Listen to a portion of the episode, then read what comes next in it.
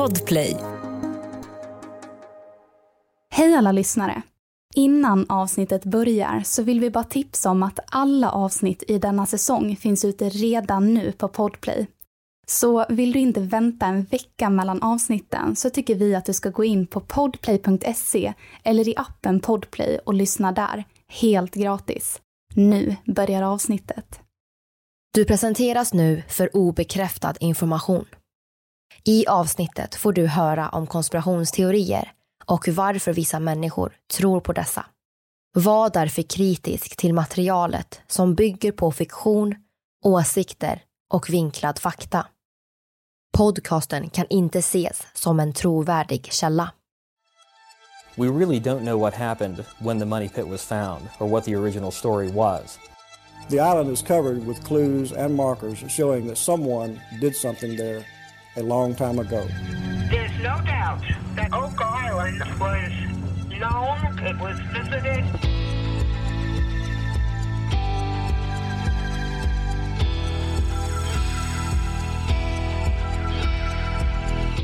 Det här är podden för dig som är intresserad av en annan version av verkligheten.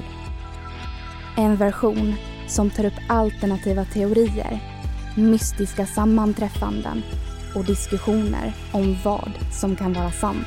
Mitt namn är Vivi. Och mitt namn är Aida. Och det här är konspirationsteorier.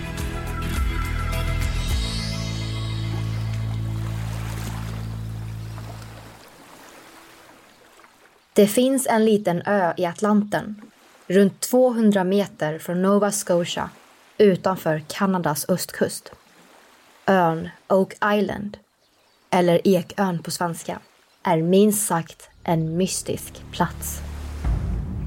As early as 1720, strange lights had been seen at night on the island's coast. Two fishermen who went out to investigate vanished. So for nearly a century after, everyone kept his distance from the uninhabited island. The mainland farmers considered it taboo. En sommarkväll år 1795 ror en ung man vid namn Daniel McGuinness ut till den gåtfulla ön för att utforska. Han har hört berättelserna om den ökände piraten William Kidd. Enligt legenden erkände en döende sjöman som varit en del av Kidds besättning att en skatt fanns nedgrävd på en ö öster om Boston. En ö som Daniel tror kan vara Oak Island.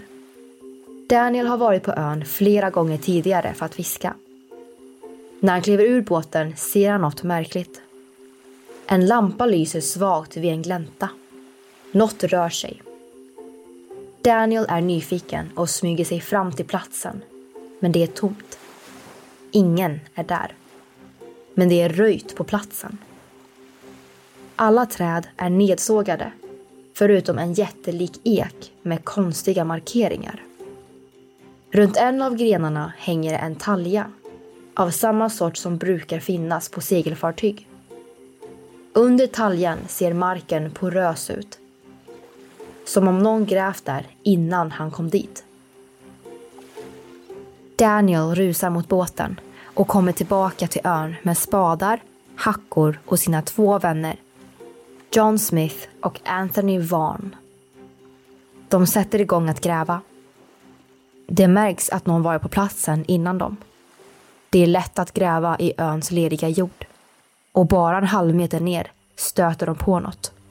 Ett lager av platta stenar. Noggrant utplacerade. Under stenarna hittar vännerna ett slags gruvliknande schakt. Som är runt fyra meter i diameter. Som går lodrätt rakt ner. De är helt uppslukade av mysteriet. Det måste ju vara en nedgrävd piratskatt precis under dem. När de kommer ner på ungefär tre meters djup stöter de på en plattform av kraftiga ekstockar. Utlagda ungefär som trall. De visste nu att de var någonting stort på spåren. Samma plattform av ekträ kommer igen när vännerna tagit sig ner nio meter ner i marken.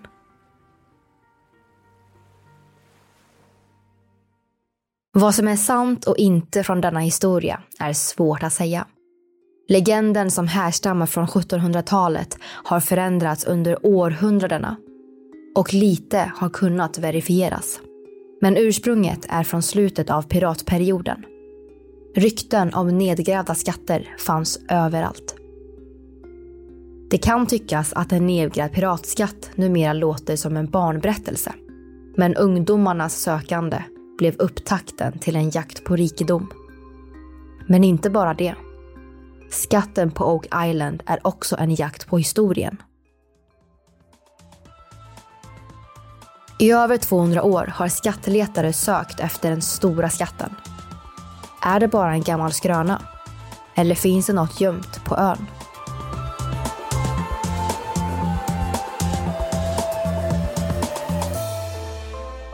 Här är podden för dig som är intresserad av en annan version av verkligheten. En version som tar upp alternativa teorier, mystiska sammanträffanden och diskussioner om vad som kan vara sant.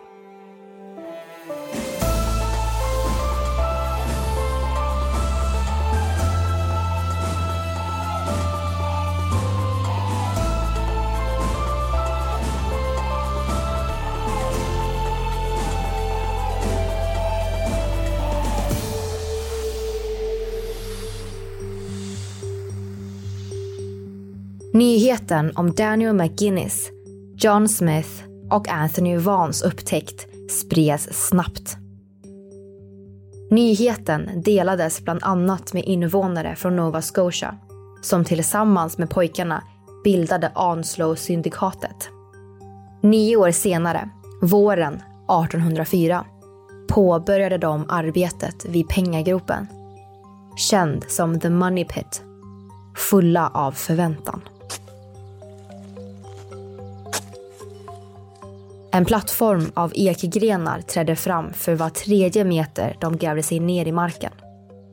Mellan dem ett lager av kokosfiber, vilket tycks vara märkligt eftersom det naturligt sett inte förekommer så här långt norrut. När männen tagit sig till 30 meters djup hittar de en märklig stor platt sten liggande på ytterligare en plattform ekträ. Stenen hade både symboler och inskriptioner inristade. 40 fot ner ligger 2 miljoner pund nedgrävda. Budskapet var solklart. Det var bara att fortsätta gräva. Solens strålar började försvinna bakom horisonten. Det var dags att avsluta dagens sökande för en natts sömn. När männen entusiastiskt kom tillbaka med sina verktyg dagen därpå var schaktet översvämmat av grundvatten. De behövde nu hinka upp vatten för att lyckas gräva, men det var förgäves. Det spelade ingen roll hur mycket vatten de pumpade ut. Vatten fortsatte att forsa in. Var det en fälla de hade stött på? Hade de utlöst en säkerhetsmekanism? Om så var fallet så måste de i alla fall vara på rätt spår. Till slut ansåg sig Onslow-syndikatet besegrade. Men med tanke att återvända till ön senare under året för ett nytt försök. Denna gång gick det dessvärre inte bättre. Vatten stod fortfarande upp till kanten. De bestämde sig nu för att testa att gräva ett parallellt schakt på sidan av det andra. För att på så sätt dränera hålet. På 35 meters djup grävde de en vågrät tunnel in mot det gamla schaktet. Och snabbt började vattnet forsa in. Och kort därefter stod vattnet lika högt i båda schakten. Ön hade besegrat dem igen och de lämnade platsen. Men stenen då? Var är den nu? No man knows where the stone is. People have been hunting for it for a long time. It was last seen in a print shop in Halifax around the turn of the century where it was being used for the stropping of leather or something like that. Senast den såg till var på Creightons bokbinderi år 1919. När bokbinderiet stängde igen sina portar försvann den. Och det är ingen som har hittat den sedan dess. Det var inte förrän många år senare intresset för skatten på Oak Island återkom till liv. År 1849 anlände en grupp män från Truro i Nova Scotia till ön med en jättelik borr. Likt Onslow-syndikatet kom de 30 meter ner i marken innan vatten började forsa in i schaktet. Fast beslutna om att inte ge upp fortsatte de att gräva och gräva vid The Money Pit. Och vid ett tillfälle gick borren igenom ett tjockt lager ekträ innan det träffade metallbitar, sen ekträ och lera. När de sen drog upp borren såg de att de fått med sig länkar från en guldkedja. Hade de äntligen hittat skatten.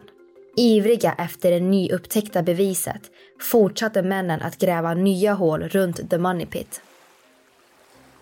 Men varje gång de kom 30 meter under jord översvämmades schaktet av vatten.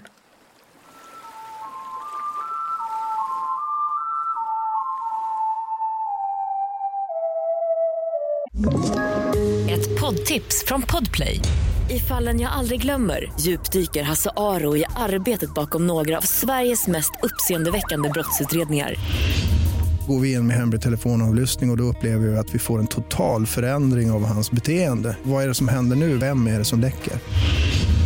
Och så säger han att jag är kriminell, jag har varit kriminell i hela mitt liv men att mörda ett barn, där går min gräns. Nya säsongen av Fallen jag aldrig glömmer på Podplay.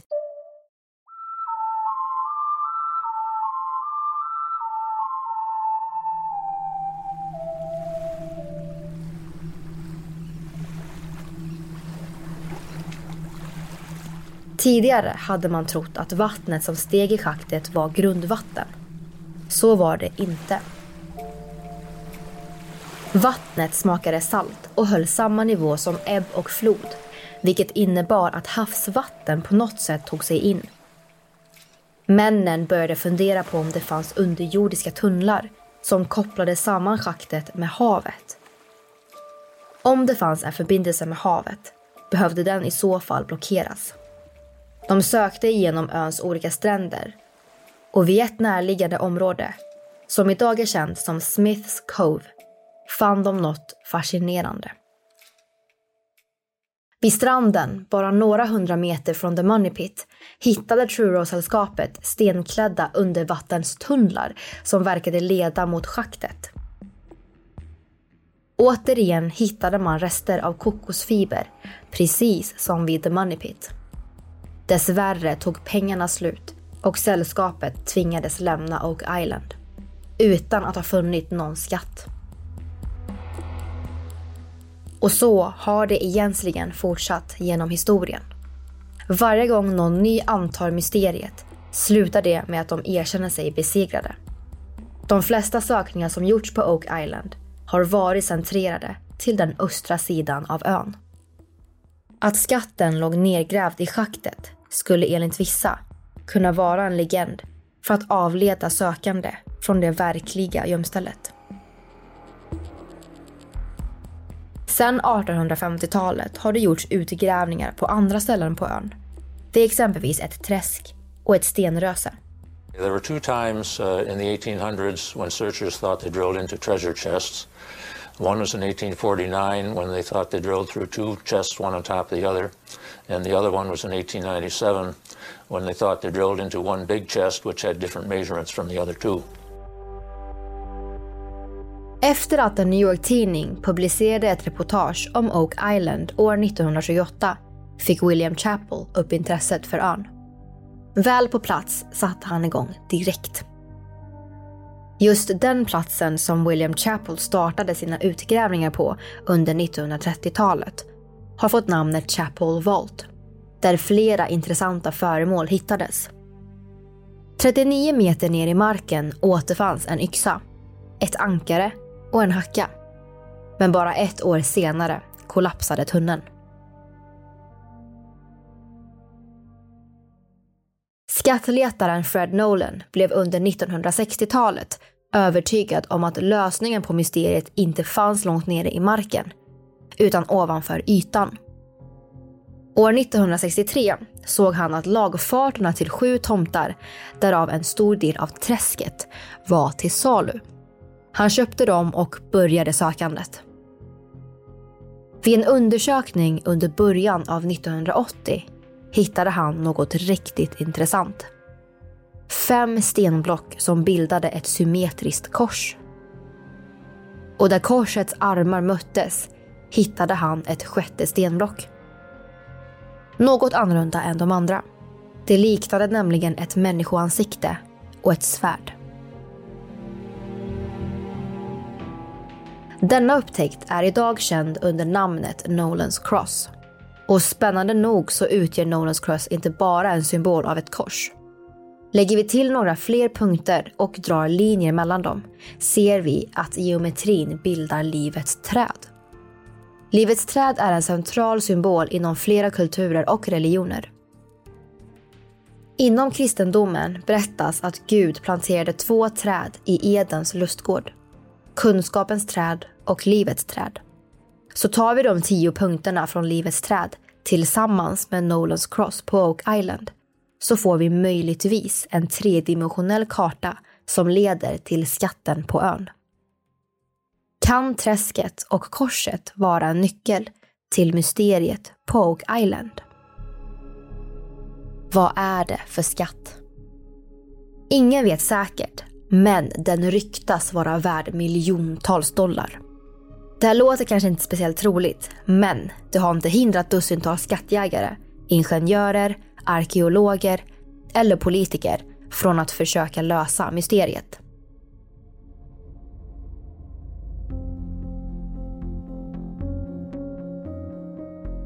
Det finns oerhört många teorier om vad just skatten på Oak Island innehåller. Enligt legenden sägs det att skatten kan innehålla juveler som tillhörde drottning Marie Antoinette av Frankrike som avrättades under franska revolutionen. När Ludvig den XVI och Marie Antoinette flydde bar de juvelerna i en väska. Det sägs att drottningen strax före sin avrättning år 1793 gav sina mest dyrbara smycken till en hovdam. Enligt olika berättelser kom drottningens förtrogna till Kanada som en gång i tiden kallades Akadien. En samling franska kolonier som grundades under 1600-talet runt Nova Scotia. Och det sägs också att juvelerna någon gång ska ha gömts i ett schakt.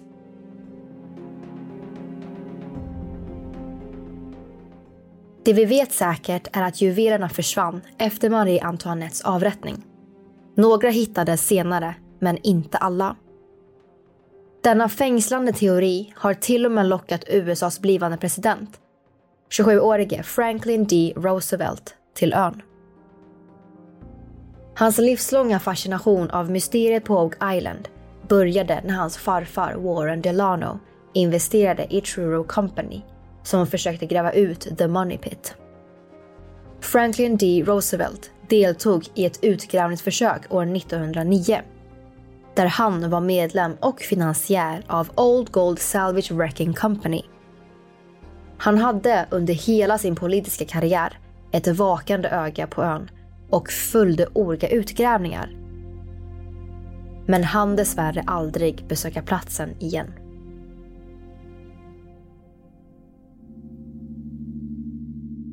Ett annat förslag är verk från världens främsta dramatiker, William Shakespeare. Från slutet av 1550-talet till början av 1600-talet var det en guldålder i England. Renässansens höjdpunkt. Under samma tid sökte sig en ung man till London, till hjärtat av teatern, Shakespeare. Han har lämnat ett stort avtryck och inspirerat människor världen över genom vackra texter om insiktsfulla ämnen. Trots det vet vi faktiskt väldigt lite om honom. Inte hur han såg ut och inte om han skrev de texter han påstås ha gjort. Men något som bevarade dokument från teatrar visar är att Shakespeare möjligtvis kan ha författat i alla fall två dramer som idag är förlorade. Med den tanken i bakgrunden kan vi hoppa tillbaka till Oak Island. Skatten som kan vara gömd under denna tid kanske är just Shakespeares manuskript.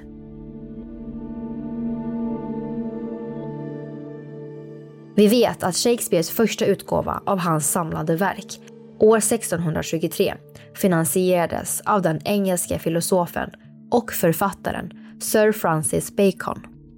En av de ledande figurerna inom den engelska renässansen.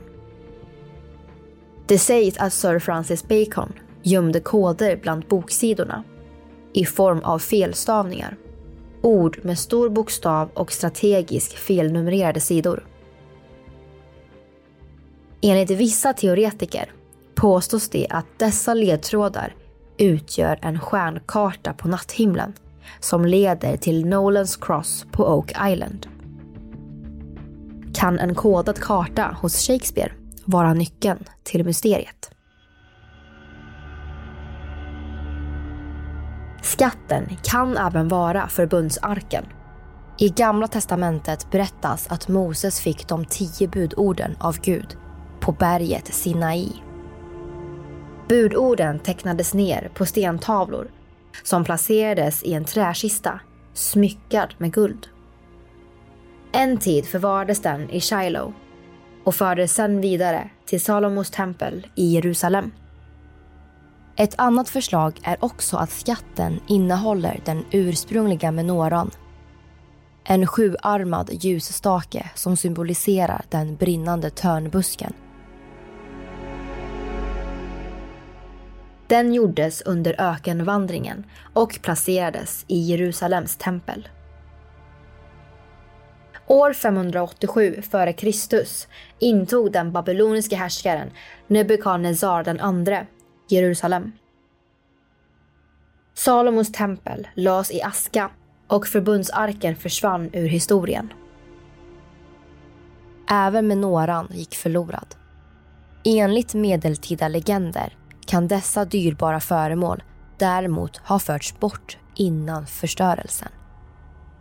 Kanske fördes förbundsarken till Etiopien eller så gömdes den under Tempelberget. En teori är att tempelriddarna fann arken och förde dessa till Europa för att hamna i England eller i Frankrike. Andra förslag på vad skatten på Oak Island kan tänkas innehålla är den heliga graalen. Som enligt den medeltida kristna tron är den bägare som Jesus och lärjungarna drack vinet ur under den sista måltiden. Innan ska bägaren ha tillhört drottningen av Saba som förde den vidare till Salomo som gav den till Nikodemus innan den slutligen kom till Jesus. Efter den sista måltiden sägs det att lärjungen Josef av Arimathea samlade en del av Jesus blod vid korsfästelsen i samma kärl. Josef, som i berättelsen har en viktig roll, placerades i en gravkammare likt Jesus. Graalen försedde honom med mat och vatten. När han slutligen friades bestämde han sig för att lämna Palestina och många gissar att Josef ville föra den heliga graalen i säkerhet. Så långt bort från Palestina som möjligt. Det påstås att han reste vidare till området Glastonbury i England. Tillsammans med sina följeslagare och grävde ner den. Även om denna legend kanske är sann så har den aldrig hittats där. Eller någon annanstans. Över 200 bägare har pekats ut som den äkta heliga graalen.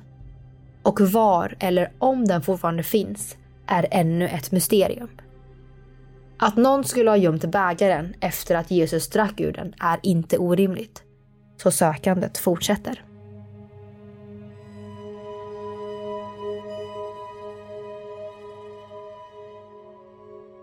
En grallegend är att den hamnade hos en grupp kristna som kallas katarerna. Det sägs att de härstammar från Jesu tid och hade en tro som utmanade den katolska kyrkan. Vid 1209 upplevdes deras fritänkande som ett stort hot och år 1244 förklarade den katolska kyrkan katarerna som kättare. Detta resulterade i en våldsam förföljelse. Påven förklarade ett korståg och tiotusentals av dem mördades. Många tror att detta inträffade för katarernas tro. Men en annan teori är att katarerna hade många heliga reliker i deras ägo. Några av dem lyckades ta till flykt i borgen Montségur i södra Frankrike. Borgen ligger högt uppe på en klippa bland bergstopparna. Där ägde ett av de sista slagen om katarismen rum. Efter nio månaders belägring kapitulerade katarerna. Fortet föll i de franska truppernas händer och över 200 katarer vandrade sjungande ner för berget för att brännas på bål. Innan dess sägs det att de hann föra undan en skatt. En skatt som har beskrivits som kunskapens skatt i form av skrifter och heliga reliker. Många tror att de gav skatterna till några tempelriddare i hopp om att de skulle hålla dem långt borta från fienden. Tempelriddarna lyckades förflytta skatterna ut ur borgen och Frankrike till en plats där den skulle vara säker. Platsen kan mycket väl vara Oak Island.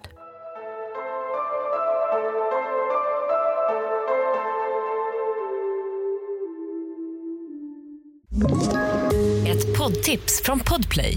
I fallen jag aldrig glömmer djupdyker Hasse Aro i arbetet bakom några av Sveriges mest uppseendeväckande brottsutredningar går vi in med hemlig telefonavlyssning och, och då upplever vi att vi får en total förändring av hans beteende. Vad är det som händer nu? Vem är det som läcker? Och så säger han att jag är kriminell, jag har varit kriminell i hela mitt liv men att mörda ett barn, där går min gräns. Nya säsongen av Fallen jag aldrig glömmer på Podplay.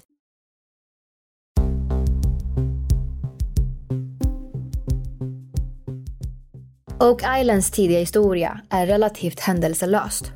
Möjligtvis bodde det nordamerikanska Migamach-folket där för tusentals år sedan. Det sägs att vikingar lär ha varit först att komma till ön. Och över hundra år innan Columbus reste till Amerika sägs även att en skotsk tempelriddare steg i land i östra Kanada. Enligt Megimach-folkets legender sägs det att det var tempelriddaren Henry Sinclair som seglade till Nova Scotia år 1398. Han lärde folket nya sätt att segla och fiska och blev värdad som guden Gloskap.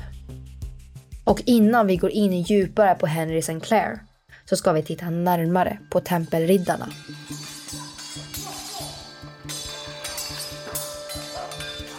Historien om tempelriddarna börjar efter att Jerusalem belägras av kristna styrkor under det första korståget.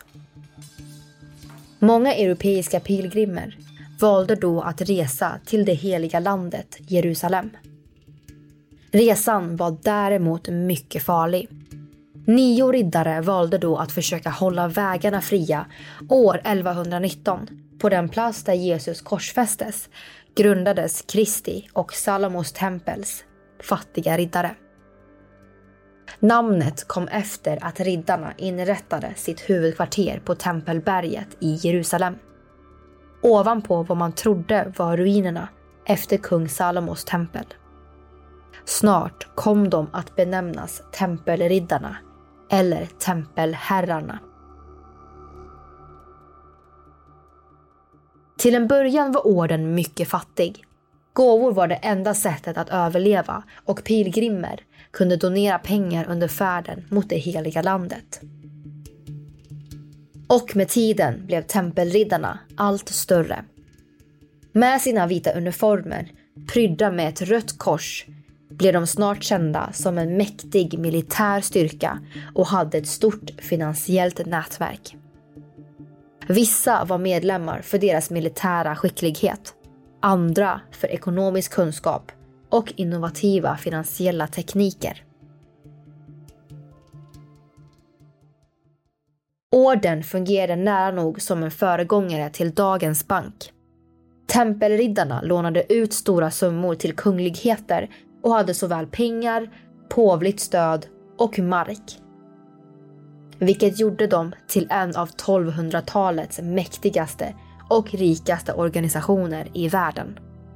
Och det kan mycket väl ha varit deras fall. Makten och den välfyllda kassan blev till slut ordens undergång. Kung Filip den fjärde av Frankrike var skyldig tempelriddarna stora summor pengar. Otursdagen var kommen. Istället för att betala skulden beordrade han under fredagen den 13 oktober 1307 med påve Clemens den femtes godkännande att tempelriddarna skulle arresteras. Orden anklagades för kätteri och upplöstes. Strax innan gripandet, enligt legenden, ska en flotta bestående av 18 fartyg ha seglat ut från hamnen i La Rochelle i Frankrike. Destinationen är fortfarande okänd idag. Men man kan spekulera om tempelriddarna blev tipsade om vad som komma skall.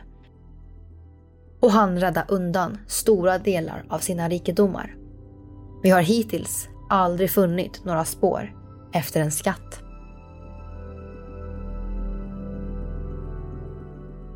Sedan medeltiden har det många rykten gått varma om tempelriddare som den heliga gralens väktare. Vissa tror att några tempelriddare flydde till Skottland och tog med sig några ovärderliga skatter som den heliga graalen från fortet i Montsegur i Frankrike. I området som kallas Smiths Cove på Oak Island har det hittats ett blykors bara 25 centimeter under marken. Med hjälp av olika testmetoder har blyet kunnat kopplas till en 1300-talsgruva i samma region som katarernas fort i Montsegur i Frankrike.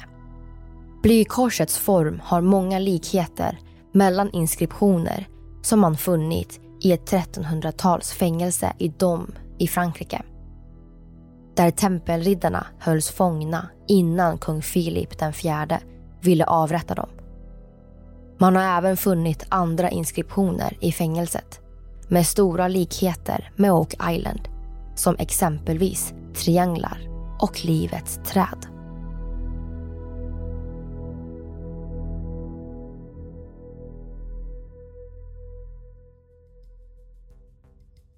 Var den skotske tempelriddaren Henry Sinclair en del av flottan bestående av 18 fartyg som seglade ut från hamnen i La Rochelle i Frankrike i solnedgången tog han med sig en stor skatt till ön. Något som faktiskt kan tyda på att Henry Sinclair besökt Nordamerika är faktiskt majs. Majs är en exotisk växt som vid denna tidpunkt var okänd för skottarna. Om det inte vore så att de besökt Nordamerika. Men i Roslyn Chapel i Skottland som byggdes över 50 år innan Columbus seglade till Amerika så kan vi se symboler av denna växt i taket. Det man kan undra är varför. Varför finns det majssymboler i kapellet?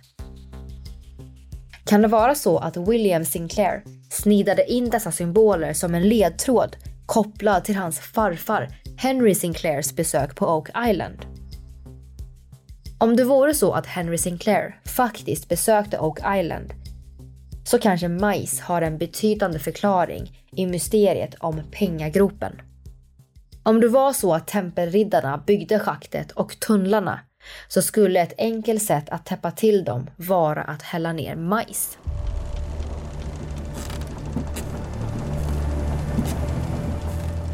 Dagens avsnitt handlar i det stora hela om en legend om en piratskatt. Pirater. De klassiska sjörövarna vi har hört historier om sedan barnsben förekom under slutet av 1500-talet och framförallt under 1600-talet. Mest seglade de runt om Västindien. Därmed kan vi anta att 1600-talspiraterna helt säkert var bekanta med Nova Scotia. Vi vet bland annat att den något mindre välkände piraten Peter Easton hade en bas på ön Newfoundland år 1612. Som ligger i Kanadas sydöstra kust. Och seglade genom Atlanten till Västindien för handel. I've heard it said that Peter Easton amassed 2 million pounds. That is really interesting when you consider what the solution to the cipher that was on the 90 foot stone said, which was 40 feet below, 2 million pounds are buried. Något typiskt inom just sjörövarromantiken är nedgrävandet av skatter på tropiska öar.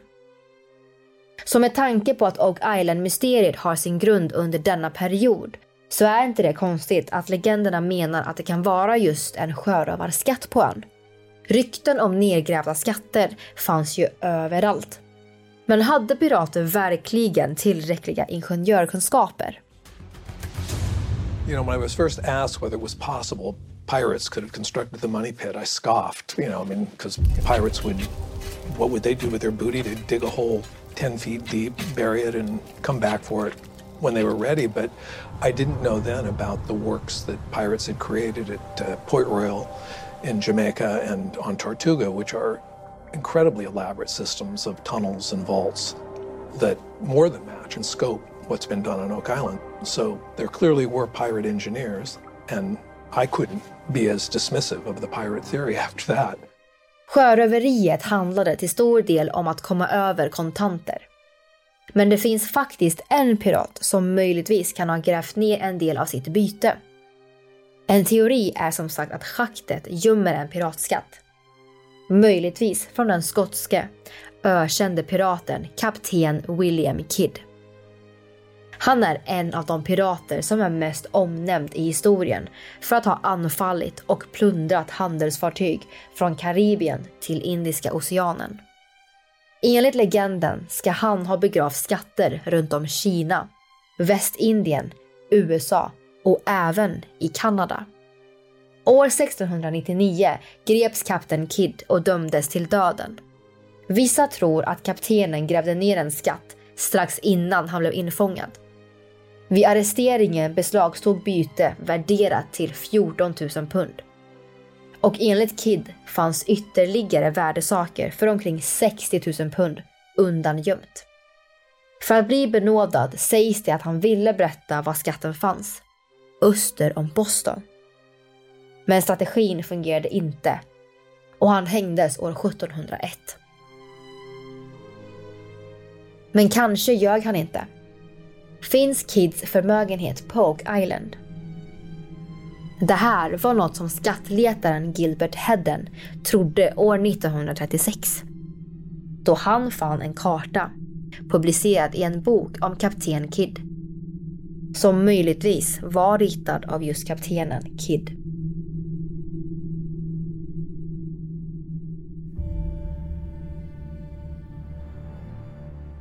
En annan tanke är att en grupp pirater använde Oak Island som en gemensam mötesplats. Kanske för att konspirera med varandra eller kanske som ett kollektivt skattförråd. Det sägs bland annat att kapten Kidd kan ha använt Oak Island för att konspirera med Henry Avery, som även är känd som piraten Long Ben Avery. En annan pirat som kopplats till ön är kapten Svartskägg, som kan gömt olika byten där. Vi har även piraten Sir Francis Drake, som under 1580-talet plundrade fartyg på miljontals dollar. Han påstås ha tagit över en spansk galjon med silver, guld och juveler för runt 200 miljoner. Även om det inte finns något att styrka det här med så har man intressant nog funnit spanska föremål på ön. Som ett Maraveri-mynt från 1600-talet. I över 200 år har hundratals människor lockats till Skattön i hopp om att finna lyckan och lösa det stora mysteriet. Men än så länge har de alla blivit besegrade och den stora hemligheten har aldrig avslöjats. Jakten efter skatten på Oak Island har kostat miljontals dollar och sex människor livet. Enligt legenden måste sju personer dö innan mysteriet kan få sin lösning.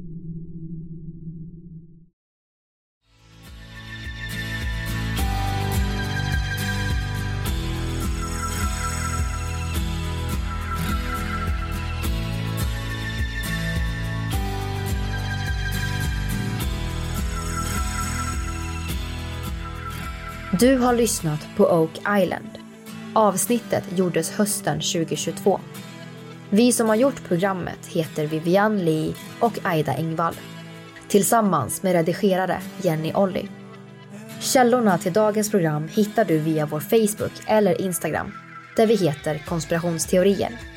Via våra sociala medier kan du även skicka in tips och önskemål på teorier som du vill höra i podden. Vill du höra fler avsnitt av konspirationsteorier? Besök din poddapp och lyssna på avsnitt som Var ligger Eldorado? Den förlorade stan av guld. So many explorers have looked for Paititi and not found it that over time it's been relegated as myth or legend. UFOt i Östersjön. Could very well be evidence of a crash. Och mycket mer.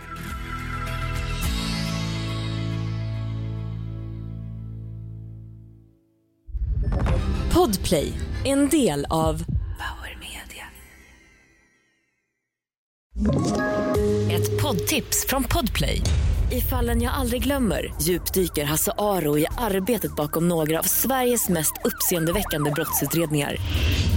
Går vi in med hemlig telefonavlyssning och, och då upplever vi att vi får en total förändring av hans beteende. Vad är det som händer nu? Vem är det som läcker? Och så säger han att jag är kriminell, jag har varit kriminell i hela mitt liv men att mörda ett barn, där går min gräns. Nya säsongen av Fallen jag aldrig glömmer på Podplay.